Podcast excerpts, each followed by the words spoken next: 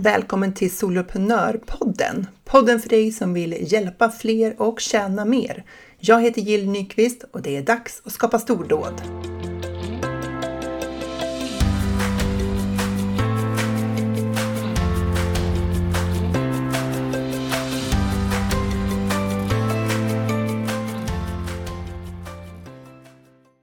Wow, vilka härliga workshops jag hade förra veckan. Om du var en av dem som var med så tusen tack för det gjordes ett stort arbete. Den första fokuserade ju på att komma liksom närmare kundens verkliga behov så att du kan skriva texter som fångar upp kunden där hon eller han är och de får känslan av att du vet exakt vad som pågår i deras huvuden. Det jobbade vi i en så här steg för steg metod i den här workshopen i arbetsboken och alla gjorde ett fantastiskt jobb. Sen nummer två, då tittade vi på hur man skapar den perfekta mixen av tjänster i sitt företag för att få ett hållbart företag över tid. Och hållbart företag för mig, det är den här kombinationen av att vi tjänar de pengar vi behöver och vi jobbar på det sätt vi vill. Du kan ju paketera din kunskap på jättemånga olika sätt när du har hittat nyckeln för just det här, liksom, vad är det för problem du löser hos din kund? Och du kan skapa det här oemotståndliga erbjudandet och du kan, eh, du kan tillhandahålla då den här kunskapen, det här stödet på olika sätt beroende på vad som passar din kund bäst och vad som passar dig bäst. För det kan ju vara så att vi inte har erbjudanden till alla kunder. Du kanske inte har något väldigt exklusivt erbjudande som hjälper de kunder som vill komma framåt i maxfart. De som verkligen vill gå på djupet och jobba närma dig och är beredda att betala för det. Du kanske saknar ett sådant erbjudande som fångar upp den kundens behov. Eller tvärtom, du kanske behöver ha någonting för att möta upp de kunder som vill liksom lösa problemet själv men de vill, vill bli guidade. Kanske i någon mindre webbkurs eller onlinekurs eller så. Så det jobbade vi i workshop 2 med att titta på eh, vilka varianter av tjänster har du? Eh, hur har du paketerat din kunskap och vad kan man tänka sig att dina kunder har för behov? Och det var inte så att man automatiskt ska uppfylla kundernas alla behov, utan det är den där matchningen mellan vad finns det för behov hos dina följare eh, slash eh, potentiella kunder och vad vill du erbjuda? Det jobbade vi med under workshop 2. Så att om du nu vill gå vidare och eh, Eh, skapa det här företaget som är hållbart för dig, där du både har de intäkter du vill och behöver och du jobbar på det sättet som verkligen eh, är det som passar just dig. Då ska du kolla in soloprenörerna som har öppet precis nu. Det är lite bråttom. Öppet mellan 8 och 11 januari. För där kommer du få allting du behöver för att skapa det här hållbara företaget online. Du kommer få hjälp med att leda ditt företag, att jobba med vd-hatten på, leda dig själv, hantera dig själv i alla de utmaningar som det innebär att driva eget. Och så att du kan jobba både smart och hållbart. Men vi fokuserar också på sådana här praktiska saker som att attrahera eh, rätt personer. Att du får in tillräckligt många på din e-postlista som faktiskt är personer som verkligen är intresserade av det du sen erbjuder. Att du kan nå ut till rätt personer via sociala medier för att du uttrycker dig på ett sådant sätt så att de verkligen förstår att du är för dem. Och sen kommer vi också jobba med att konvertera. Alltså du vet, säljet! Så att du kan öka dina intäkter, att du kan sälja mer med e-postmarknadsföring, att du kan sälja mer med kampanjer och lanseringar, kanske ha en väntelista som du kan sälja till, så att du verkligen kan få de här följarna att bli betalande kunder. Och sen kommer vi också titta på det här med liksom, vad, det är, vad är det du erbjuder, alltså dina tjänster. Ehm, vill du ha en eh, medlemstjänst så har du upplägget där. Vi kommer gå igenom hur man skapar webbkurser. Och du kanske har coachingpaket eller du vill sätta upp din kursportal i Newsendler. Det får du hjälp med i Soloprenörerna. Samtidigt som du får den här fantastiska communityn som finns där. Den fantastiska gruppen människor som är så glad att jag får hänga med. Så missa inte det här nu. Eh, det är bara öppet fram till 11 januari, så häng med. Kolla in solopreneur.nu och läs mer om hur du kan bli medlem nu innan dörrarna stänger. Men nu till dagens avsnitt. Idag har jag med mig Jenny Stålarm som är coach och konsult i marknadsföring och kommunikation. Välkommen till podden Jenny! Men tack så mycket! Vad roligt att ha dig här. Du, du måste berätta för dem som inte känner till dig, eh, här, vilka du hjälper och med vad du hjälper till med. Mm. Jag hjälper framförallt andra egenföretagare, oavsett om man har varit igång några år eller om man är nystartad. Och eh, för att göra en väldigt lång historia väldigt kort så hjälper jag dem att nå ut på sociala medier. Så få in nya kunder till sina företag via sociala medier. Just det. Ja. Och hur länge har du jobbat med ditt företag? Det är faktiskt strax över ett år bara, så jag känner mig ganska ny själv. Ja. Så det, jag är fortfarande lite så här i uppstartsfasen känns det som. Att jag testar mig fram och ser vad som funkar och vad som jag behöver utveckla med mig själv och mitt företag för att verkligen få igång det 100 procent. Hur kom det sig att du startade eget företag? För jag menar, det är ju inte givet att göra det. Mm, det är en liten speciell historia. Nu blir det lite triggervarning här. Eh, jag, eh, för några år sedan så blev jag faktiskt våldtagen och varit sjukskriven lång tid, i ungefär ett års tid. Och eh, jag gjorde en polisanmälan och jag har gått igenom rättegång både i tingsrätten och i hovrätten. Eh, och vann båda, eh, båda rättegångarna. Och det var bland det läskigaste jag gjort i mitt eget liv. Att behöva liksom gå igenom det. Mm. Och jag kände att ja, jag kände att om jag klarar av det här, den här rättsprocessen, för man överlever ju någonstans, liksom, man går ju igenom det oavsett vad man vill eller inte. Och så kommer man ut på andra sidan och så förstår man att jag har klarat av det här. Jag har verkligen tagit mig igenom det här, det läskigaste jag någonsin har varit med om. Och då kände jag att att starta företag var inte liksom så läskigt längre. I jämförelse tänkt, med den fruktansvärda ja, erfarenheten i ryggen. Ja, för jag tänkte att det är så himla stort och läskigt att skapa, eh, starta eget företag. Ja. Jag liksom kände att det har varit liksom ouppnåeligt för att det har varit så stort och läskigt för mig. Ja. Jag har haft så en himla liksom, skev bild tycker jag nu efter att ha varit igång ett år om vad egenföretagandet innebär. Så till exempel att man behöver jobba ihjäl sig. Man har inget socialt liv.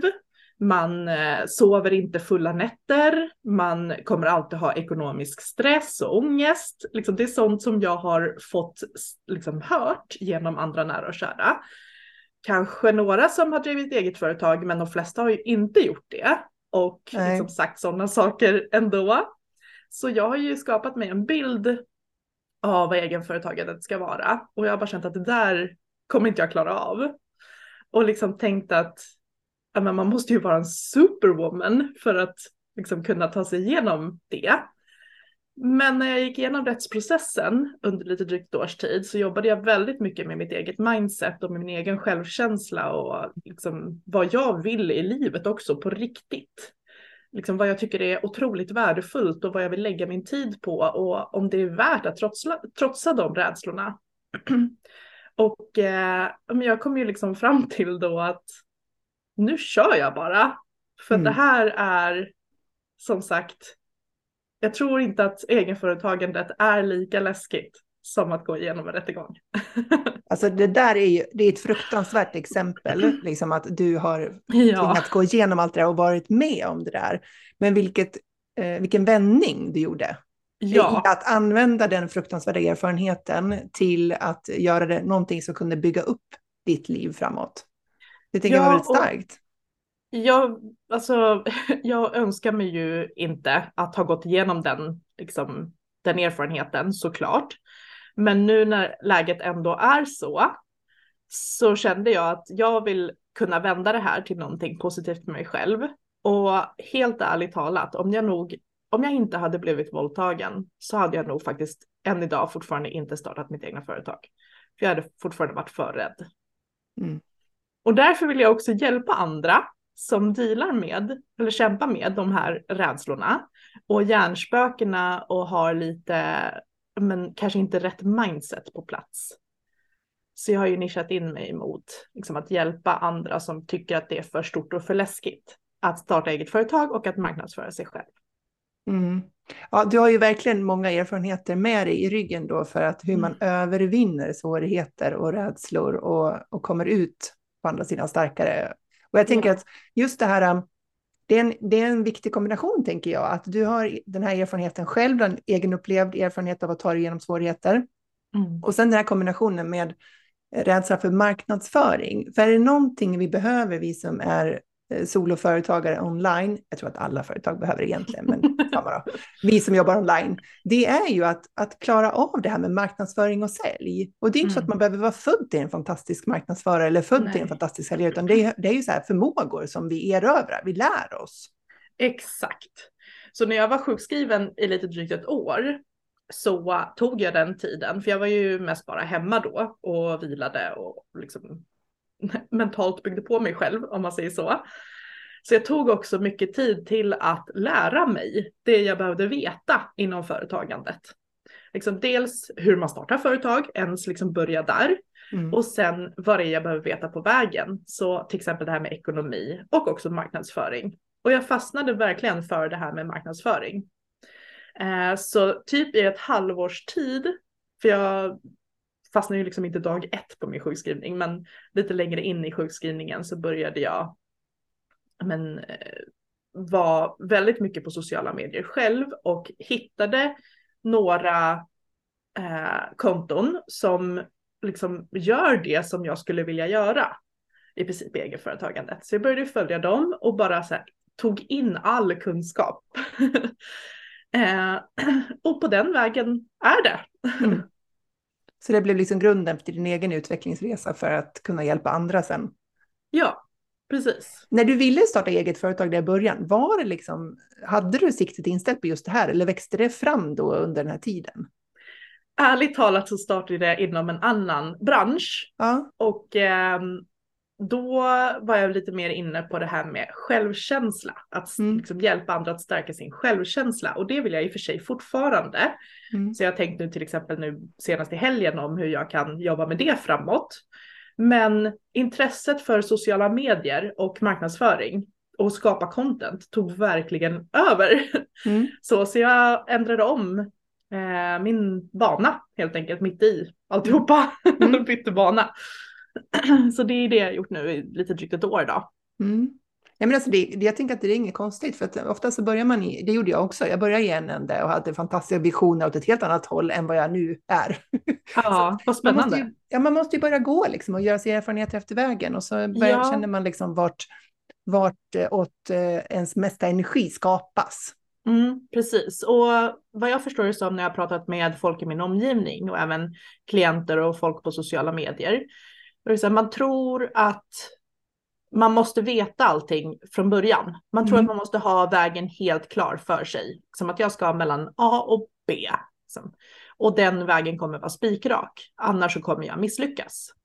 Liksom den, det är den uppfattningen jag får när jag pratar med många runt omkring mig. Mm. Medan i själva verket så kanske man inte alls landar på liksom mellan A och B utan någon helt annanstans. Men det är okej okay, för det är dit ens hjärta liksom drar. Mm. Och dit man, man känner att, för man kan ju ändra sig på vägen också hur många gånger som helst. Och framförallt också testa sig fram. Det här funkar inte. Nej men okej, då, då ska jag ju inte hålla kvar i det bara för att det var det, den vägen jag tänkte gå. Utan men då får man ju ändra om så att det passar vart man vill i livet och med sitt företag och liksom vad som funkar för en själv. Mm, verkligen. Eh, men vad skulle du säga, vad är poängen för oss företagare att befinna sig på sociala medier då? Mm. Eh, jag tänker att sociala medier är ju ett väldigt kraftfullt verktyg för marknadsföring och för att nå ut. Eh, det är ju bland annat helt gratis om man inte håller på med annonsering och sånt, för då lägger man ju mer pengar i ekvationen så att säga. Men om man inte har kommit så långt ännu så är ju liksom, den organiska marknadsföringen på sociala medier är ju helt gratis. Det är tid och energi mm. man kan lägga in. Och det får man ju styra över helt och hållet själv. Liksom, du lägger ju upp din insats utifrån vad som funkar för dig i ditt liv just nu. Eh, och man kan ju nå så sjukt många människor med så ändå små medel. Alltså genom inlägg eller video eller vad det nu än kan vara för format. Och man kan ju nå andra personer i andra länder också om man skulle vilja det. Liksom. Det är inte bara här lokalt som jag kan nå ut utan jag kan ju nå ut egentligen till vem som helst och hela världen om jag hela gör världen. det på rätt sätt. ja. ja. ja. Så, och framförallt också för att det där så gott som alla i dagens eh, samhälle hänger. Mm. Alltså om man tittar på statistik så är det ju så sjukt många människor som hänger på sociala medier idag. Ja. Så att, säger du och suckar. ja, men det är lite så här skräckblandad förtjusning i det där, för det är som du säger, det är ju en fantastisk möjlighet ja. för oss företagare att nå ut. Samtidigt kan man ju bli lite eh, kan man ju bli lite, det är lite sorgligt, sorgligt att det är där vi hänger hela tiden. Liksom. Det finns kanske ja. andra saker vi skulle kunna göra med våra liv också. Precis, ja men så är det ju. Man får ju själv sätta gränser för sig själv. Mm. Om att nej men nu stänger jag av datorn och går och umgås med min familj till exempel. Alltså man får ju själv styra över det. Eh, alltså en, en, fråga som jag ofta får när jag coachar företagare, det är liksom sådär, särskilt om de är i början eller om de kanske har gjort en, en Eh, en riktningsändring i sitt företag och vill nå nya målgrupper. Det är ju så att de upplever att de kommunicerar och kommunicerar, men det händer ingenting. Liksom. Alltså, mm. De tycker inte att de får något gensvar, det är ingen som tar kontakt med dem, det är ingen som lämnar kommentarer eller engagemang eller liksom mm, eh, sådär. Vad, vad, är, vad, vad, kan man tänka sig har gått fel då om man känner att man får lite dåligt med respons eller att kontot inte växer och sådär? Mm. Det jag tänker på först är att har man då gjort en ordentlig målgruppsanalys och det låter ju så himla stort och svårt och läskigt. Men det är inte egentligen. Utan man kan se det som att man gör ett litet researcharbete kring sin målgrupp och framförallt en idealkund. Så vem är det man pratar med i sociala medier? Och om man sätter sig in i målgruppens perspektiv och tittar utifrån på sitt eget content, liksom om, om man skulle be någon titta på sitt eget content mm. eller om man tar på sig andra glasögon, så, um, så tänker jag att man får ju försöka se att är det här innehållet nu som jag har publicerat någonting som verkligen resonerar med målgruppen? Pratar jag som, som att liksom till en en viss person? Pratar jag som att jag pratar med den här målgruppen eller liksom, känns det som att jag mer pratar med en familjemedlem eller en branschkollega eller liksom den som jag faktiskt inte liksom ska sälja till utan är det här tillräckligt värdefullt innehåll för målgruppen? Mm. Och Sen så eh, märker jag att många tänker att om jag börjar idag och så postar jag inlägg typ den här veckan. Och sen så tänker jag mig att jag ska få till 70 sälj på måndag om en vecka. Att man har liksom, lite för bråttom. Ja, finns det realistiska förväntningar där? Och har du byggt upp tillräckligt stark, starkt, liksom, eh, stark tillit eller förtroende mellan dig och målgruppen? För vi köper ju av dem vi gillar och de som liksom resonerar med oss. Eh, nu tänker jag framförallt på små egna företagare och inte mm. de här stora varumärkena som redan är etablerade utan om man liksom börjar på nytt. Eller från scratch. eh, så hur ser den kommunikationen ut om du tittar på det objektivt utifrån? Mm. Så våga liksom kliva ur dina egna skor och titta på ditt innehåll som om du skulle titta på det utifrån. Och det kan vara så liksom, små detaljer som färgsättningen. Är färgerna någonting som resonerar med din målgrupp? Eller till och med ditt typsnitt som du använder? Eller känns det för spretigt, ditt innehåll? Eller är du för privat och personlig i ditt innehåll?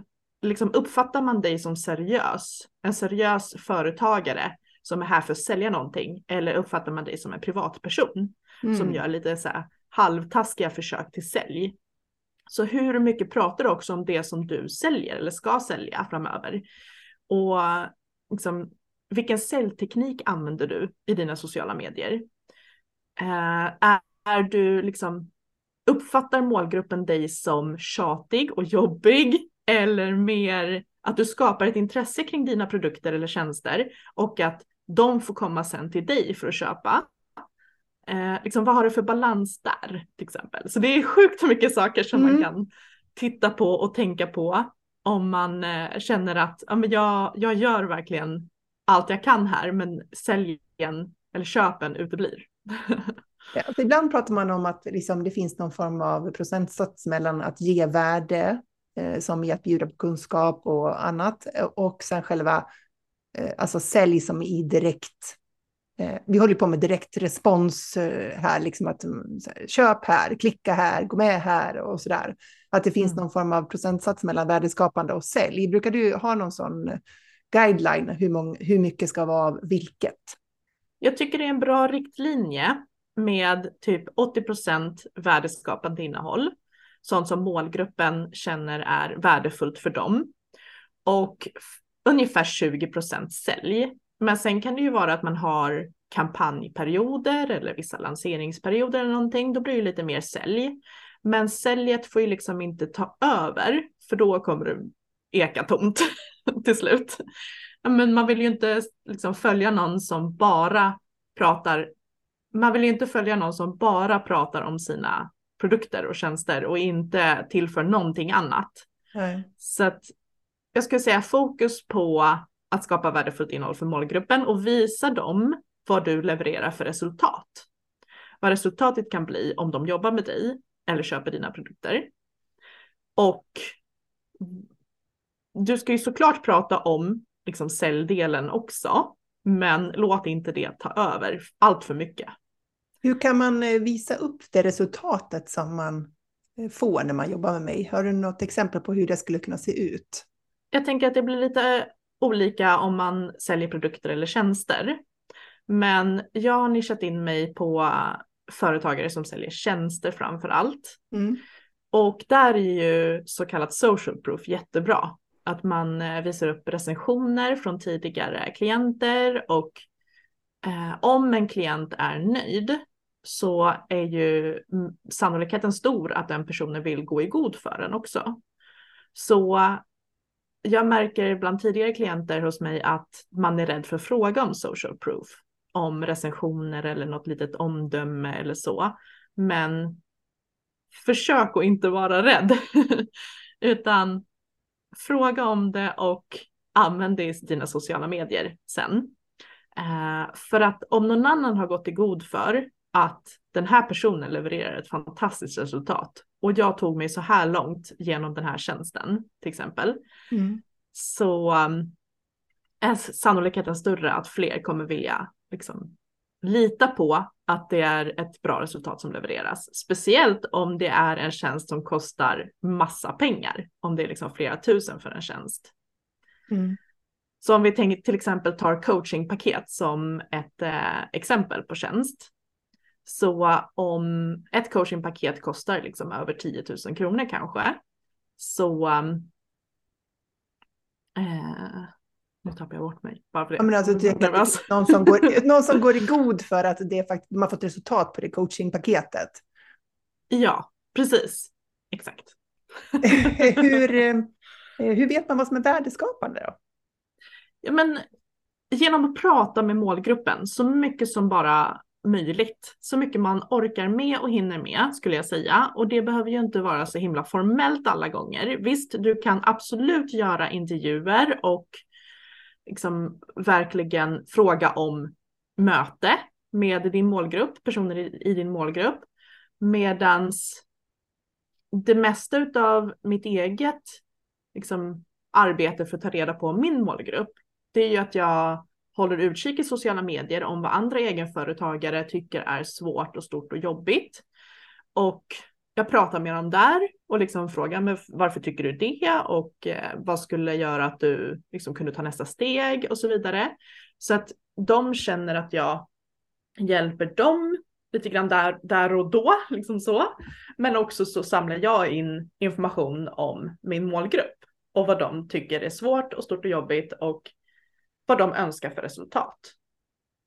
Tänker du att du gör det liksom på DM eller i kommentarsfälten eller vart sker den där dialogen? Det kan vara både i DM, men det kan också vara i inlägg eh, eller i stories på, på Instagram eller Facebook eller i Facebookgrupper. Eh, eftersom att min målgrupp är ju andra egenföretagare, små egna företagare, så är jag ju såklart med i massa sådana Facebookgrupper där eh, personer ställer massa frågor om hur man når ut online. Så då är jag snabb på att snappa upp det och fråga, men vad skulle du säga är din största utmaning just nu och liksom vart vill du någonstans och ja, men liksom inleda en dialog där. Eh, men det kan också vara utanför sociala medier i verkliga livet så att säga. Om man känner att man har personer som stämmer in på beskrivningen av din målgrupp eh, din idealkund så kan man ju absolut gå fram och fråga liksom, dem om det är någon man känner mm. om eh, samma sak. Mm. Så liksom prata stort och brett och vitt, vilt om, om liksom vad, vad de kan tänkas ha svårt med. Har du något så smart sätt att, att sammanställa det där så att man kommer ihåg de där sakerna? Eller hur liksom, stoppar du in dem i någon arkiv i huvudet bara? Eller har du något annat sätt? Ja, i början så um, hade jag faktiskt ett dokument. Dels så mm. har jag ett dokument på datorn där jag sammanställer. Och dels så satte jag ihop för mig själv um, en mall och hade fysiska intervjuer med personer, med tio okay. andra egenföretagare. Mm. Då skrev jag i varje ruta vad de svarade så. Eh, och i, eh, i gengäld så fick de en, eh, en timmes gratis coachning av mig. Eh, och det, på de samtalen, de tio samtalen, då fick jag ut så mycket information om vad, vad de liksom vill ha. Ehm, men nu när jag är så inne i det så räcker det med att jag stoppar in det i mentalt arkiv i huvudet. Jag hade ett, eh, ett tag eh, så tog jag eh, så här skärmdumpar på kommentarer, inte med människors namn och bild och sådär, utan bara på mm. själva pratet som de hade skrivit och så samlade jag det i ett dokument. Och det var väldigt värdefullt att gå tillbaka till, för då fick jag deras exakta mm. formuleringar så där, som de hade använt, eh, sammanställt. Ja, det var bara in, inklippt i ett dokument, men det, det var mm. ändå bra att ha det på ett ställe så där. Ja, men det är toppen. Och där är vi alla olika. Om man vill kunna gå och titta tillbaka på det eller om det räcker med att ja, jag, jag liksom har en känsla för vad målgruppen mm. i stort tycker och tänker. Du, ska man liksom tänka kring det här med vilka sociala medier man ska finnas i då? Mm. Eh, där där eh, har jag märkt att en del personer som är nya egenföretagare tänker att jag ska finnas på alla plattformar. Ja. Liksom. och det är ju en vanlig tanke, har jag märkt. Men jag säger ju såklart att du ska finnas där din målgrupp finns. Så de som är beredda att köpa av dig när du har byggt ditt personliga varumärke. Eh, där de finns ska du befinna dig. För du vill ju locka dem liksom, till dig. Eh, då måste du ju synas där de är. Medans Mm, jag hade för länge sedan, jag stötte på en, en person som sa att min dotter säger att jag ska finnas på TikTok. Liksom. Jag måste finnas på TikTok med mitt företag. Men är dina klienter eller kunder verkligen på TikTok? Liksom, om vi nu hårdrar i det mm. lite. Om vi tänker att målgruppen och idealkunden är en högt uppsatt manlig chef tror vi att den personen hänger på TikTok? Eller är det kanske LinkedIn som är mer relevant då? Eller är det mammor i en viss ålder? Är det TikTok då eller LinkedIn eller kanske Instagram? Och om man är osäker på vart målgrupperna kan tänkas hänga, alltså finnas på, på sociala medier, så finns det en jättebra rapport som, mm. eh, som man kan ta del av och eh, luska lite mer. Eh, den heter Svenskan och internet. Mm. Har du hört talas om den? Ja, absolut. Den är ganska omfattande. Det står rätt många saker i den. Ja, men man kan ju sålla ganska bra tycker jag och bara ja. fokusera på det som är värdefullt för en själv. Mm. Eh, så de kommer ju ut med en ny rapport varje år om svenskarnas internetvanor. Och där kan man ju verkligen ta reda på om man vet lite typ åldersmässigt, kön eh, och lite mera sådana parametrar så kan vi ta reda på var de personerna finns på sociala medier i störst utsträckning. Så um, ja, men gör jobbet med målgruppsanalys ganska ordentligt. Och om du har gjort det så kommer du också få reda på vart man hänger på sociala medier, vart målgruppen finns. Tycker du att det räcker med att man är, vi säger att jag ska rikta mig till eh, de som verkar finnas på Instagram. Räcker det med att jag har ett Instagramkonto då eller behöver jag liksom ha flera sociala kanaler tycker du? Alltså även om man inte behöver ha alla så kan man behöver ha någon mer eller är det okej okay att köra med bara en? Um, om det är okej, okay. jag tycker det där, det där är en sån intressant aspekt för att vi, nu kanske jag svävar ut lite, men vi lär oss så tidigt i skolan att det finns bara ett rätt och fel. Det finns rätt svar och det finns fel svar, typ i matten. Eller glosor eller något sånt där. Så vi lär oss liksom strukturen om att det finns bara ett rätt sätt. Men det finns inte bara ett rätt sätt. Så om du känner att du når din målgrupp på Instagram, om det är det, liksom, den plattformen vi tänker oss nu, så ser inte jag så mycket nytta i att sväva ut på andra plattformar om inte målgruppen ens finns där. Men om målgruppen kan tänkas vara stark eh, och aktiv på flera plattformar så kan man ju absolut liksom vara aktiv på flera plattformar. Men allt utifrån vad man själv orkar med tycker jag, för det ska ju vara långsiktigt hållbart. Mm. Och det tar väldigt mycket tid att skapa content. Jag tror att det tar mer tid än vad man kanske tänker sig. Att det inte bara är att slänga ut ett inlägg här och där, utan det ska finnas en tanke bakom och en strategi framåt. Så jag skulle säga börja med en plattform där du vet att målgruppen finns och så bygger du den stark och utifrån vad du mäktar med. Och sen när du känner att du har kontroll på det och du, du har koll på det här med värdefullt innehåll till målgruppen och du kanske till och med börjar få lite sälj och så på, på den plattformen så kan du ju absolut se det om efter andra plattformar att vara på. Mm. Men om man sitter här nu och ska skapa innehåll. Jag vet att det är många som tycker att det är jobbigt att skapa innehåll löpande på sociala medier. I alla fall träffar jag väldigt få som tycker att det där är jätteroligt, att det går så enkelt och att det tar lagom mycket tid och så där. Jag tycker att de flesta verkar ha någon form av utmaning kring det där.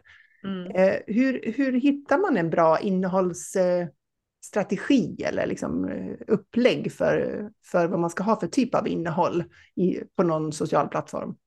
Ja, jag tycker att man gör sig själv en tjänst om man tänker framförallt långsiktigt och inte bara här och nu, utan jag skulle säga gör en planering för ditt innehåll och då menar jag inte att du behöver liksom detaljplanera varenda inlägg på en gång, utan gör en långsiktig planering. Jag har min egen contentplanering i ett eh, verktyg som heter Trello, trello.com. Det är gratis. Eh, där jag ser varje dag, varje vecka och eh, kan planera in vissa inlägg, till exempel om jag har kampanj på någonting, någon, något av mina tjänster. Um, och det lämnar ju fortfarande utrymme för att vara spontan. Uh, men jag brukar planera upp en vecka ungefär åt gången. Och så brukar jag liksom känna efter också lite vad det är jag vill prata om just nu. Uh, ibland planerar jag upp längre än en vecka och ibland så kör jag det väldigt spontant. Men oftast har jag en grov planering i alla fall. Och där, kan jag, eh, där är det också en hjälp för en själv att ta fram sina content-kategorier. Eh, och det betyder att man tar fram kategorier som man baserar sitt content på, så att man ska hålla en röd tråd. Eh, och på så sätt så utifrån om man tittar på någons eh, plattform utifrån eller ens konto utifrån så upplevs det som mer liksom, att det finns en röd tråd, mer professionalitet och det blir tydligt för någon att ta del av innehållet. Vad kan det vara? Om du ger något exempel på vad sådana kategorier skulle kunna vara. Eh, den som jag tror är mest eh, liksom lockande för någon som bygger sitt personliga varumärke online eh, är utbildande innehåll. Så man, eh, man delar sin expertis och sin kunskap och man som läsare får ta del av det. Eh, men det kan också vara underhållande, alltså underhållande innehåll eller material. Eh, det kan vara material som engagerar andra till exempel. Och sen så brukar jag också eh, rekommendera att man nischar ner sig lite mot det man verkligen eh, är verksam inom. Så för mig är det sociala medier. Så jag brukar dela mycket sociala medier-tips. Och eh, en del är också för mig, eller en kategori är också entreprenörskap för mig. Så jag delar mycket entreprenörstips också. Eh, så utifrån, liksom, utifrån en helt annan eh, egenföretagare då, så kan man ju titta på vad det är för contentkategorier man skulle kunna ta upp för sitt eget företag och eh, skapa content utifrån. Så i Trello har jag lagt in mina egna contentkategorier så jag kan markera varje inlägg med vilken contentkategori som det handlar om. Så ser jag också i en sån här övergripande vy om jag har en bra spridning på mina, mina contentkategorier. Eller just det, om jag... att du har lite blandat. Ja, precis. Mm. Så att jag inte postar om samma sak liksom i en hel vecka. Mm. Utan har lite blandning. Ja, det, jag tycker, jag älskar ju struktur. Mm, jag, ja, jag, tycker, jag tycker att jag blir mycket mer kreativ när jag har en struktur att jobba i. Och har man sådana här kategorier, då är det ju lättare att komma på idéer inom respektive kategori än när man börjar bara med ett vitt papper. Liksom. Och Precis. även sin egen kunskap kan ju kategoriseras. Alltså även det utbildande ja. kan ju ha olika vinklar eller olika perspektiv ja. på. Så. Men ett annat tips som jag skulle vilja säga mm. är att jag, eh, börja följa andra branschkollegor utifrån att titta på vad de postar om och vad de pratar om. Så det ska inte bli någon konkurrens, liksom, tanke bakom det hela, utan mer hämta inspiration om vad andra i branschen pratar om och skapa content med liksom din åsikt och din take på det hela mm. utifrån det. Mm. Uh, så det, det tror jag är väldigt användbart. Jag, har, jag skapar ju mycket content, eh, bland mm. annat den här podden eh, och sen lite inlägg på sociala medier. Mm. Ibland. så, ja. ja. och jag, jag, tycker att jag liksom lägger rätt mycket energi på att skapa en bra podcast och liksom, jag anstränger mig för att det ska bli bra. Liksom. Ja. Det var lite roligt när jag för någon månad sedan tog några bilder på mitt kontor och mina hundar.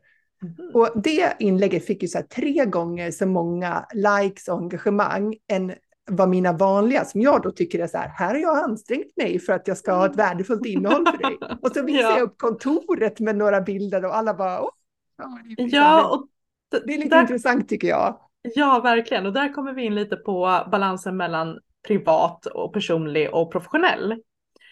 Och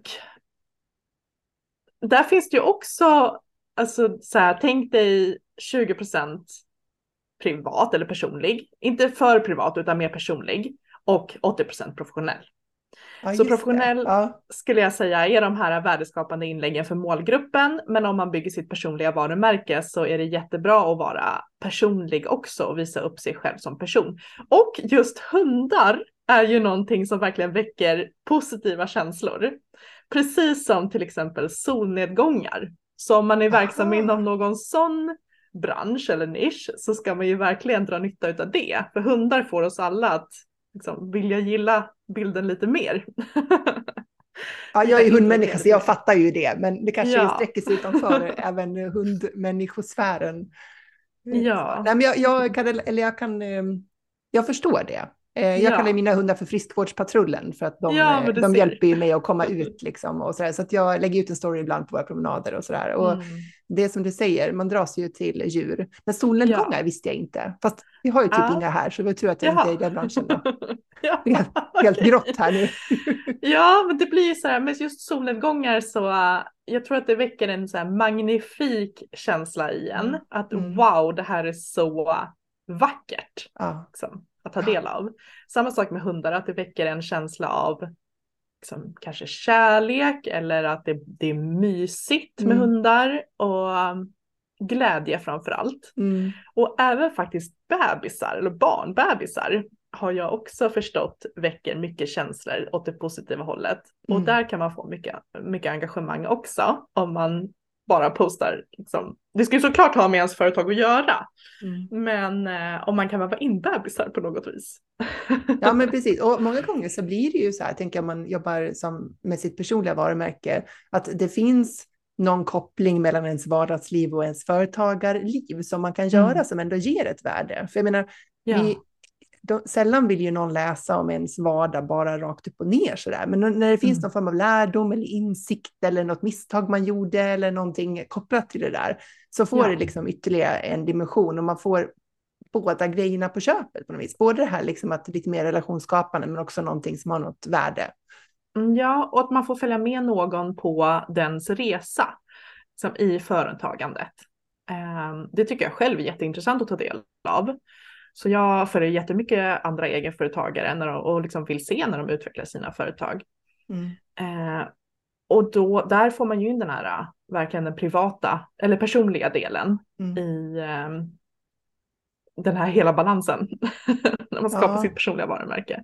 Absolut. Vad skulle du säga är liksom de vanligaste misstagen man gör då, eller kanske missuppfattningar man har när man ska jobba med sociala medier för sitt företag?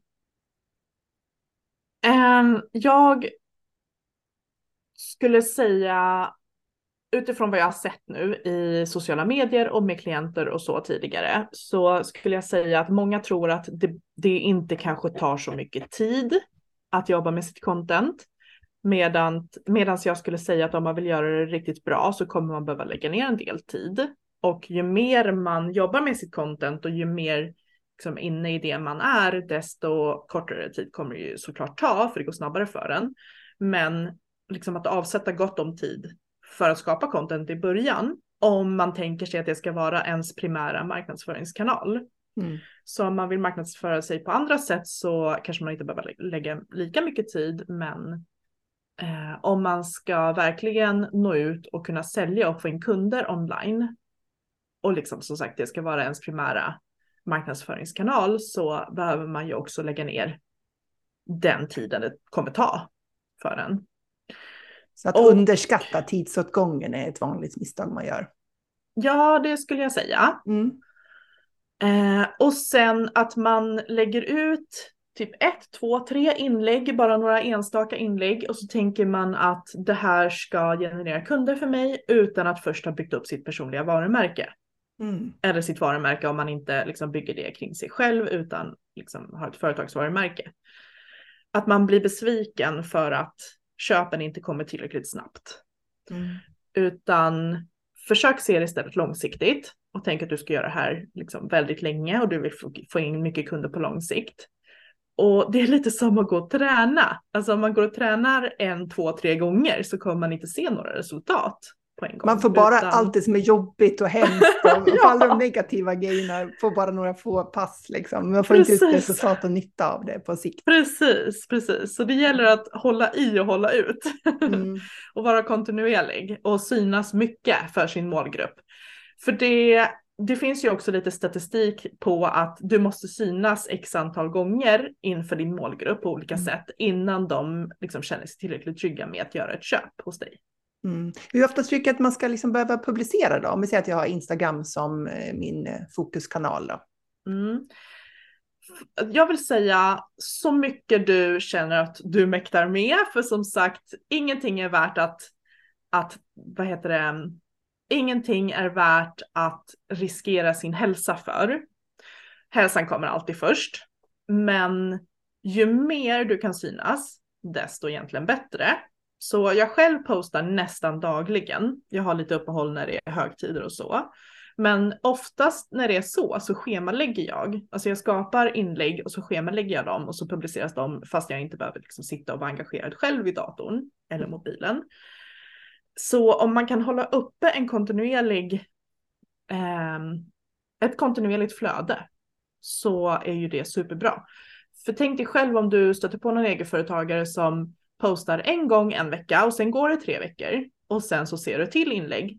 Då är det ju inte så troligt att du kommer att tänka på den personen om du liksom verkligen inte kanske känner den personen eller är väldigt insatt i företaget redan. Mm. Så om du har ett behov av vad den personen säljer, eh, dens produkt eller tjänst, så liksom för att stanna top of mind, att liksom du mm. är företaget som den personen tänker på när den har behov, så behöver det synas ganska kontinuerligt. Jag ska säga minst tre gånger i veckan, men mm. gärna mer. Så, men som sagt, allting beror ju på hur mycket tid och energi du, du har och orkar lägga. Ja, precis. Men det är bra att ha något som, som riktmärke i alla fall, att minst tre gånger i veckan och gärna mer om man orkar. Eller om man, som jag, tar in hjälp.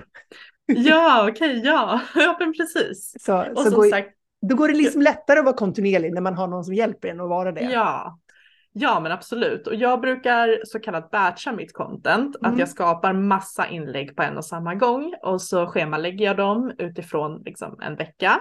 Och sen så sätter jag mig nästa vecka kanske igen och gör liksom flera inlägg på raken. Mm. Och så, jag tycker att jag sparar tid på det sättet.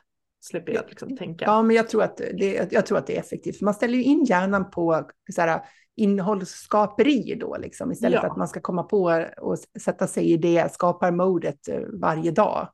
Precis. Så, mm. mm. Jag har faktiskt en idé om en batcha också. Jag har bara ah. efter fem år inte kommit dit.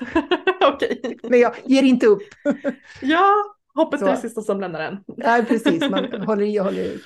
Men du, om, ehm, Eh, om du vill liksom skicka med ett tips för de som känner att de har kört fast med sitt innehållsskapande, vad skulle det vara liksom, som kan få dem en knuff framåt? Först och främst vill jag säga, gå tillbaka till ditt varför. Varför du gör allt det här. Vad är syftet för dig? Liksom, om du vill kunna leva på ditt egna företag till exempel, om det är syftet för dig eller ha som mig total frihet, det är mitt syfte. Att kunna lägga upp mina dagar precis hur jag vill. Liksom, jag tänker alltid tillbaka på det när jag känner att det blir motigt. Just det. Och liksom, ja, men det är därför jag gör det här, fast det känns skitjobbigt just nu. För jag själv kan också köra fast ibland med mitt contentskapande. Sen, eh, som sagt, jag påminner mig själv om det och det tycker jag att andra också ska göra. Liksom gå tillbaka till sitt verkligen varför. Vad är viktigt på riktigt för mig?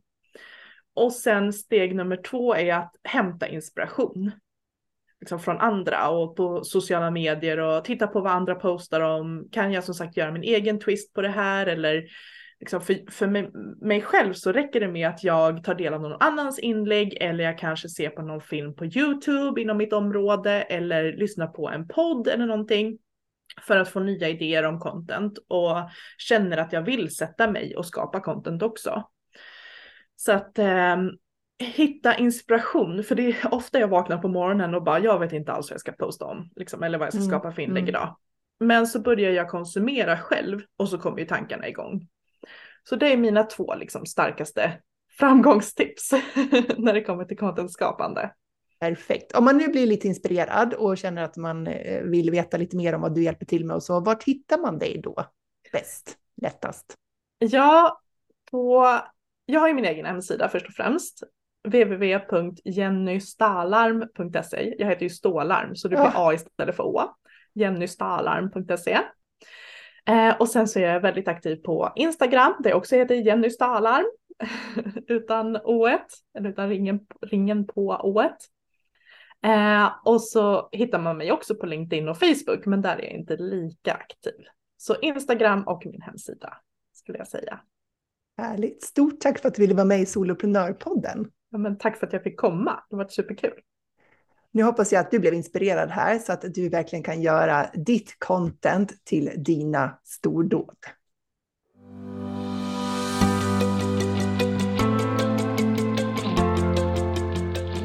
Stort tack för att du lyssnar på Soloprenörpodden. Jag är så glad att ha dig här.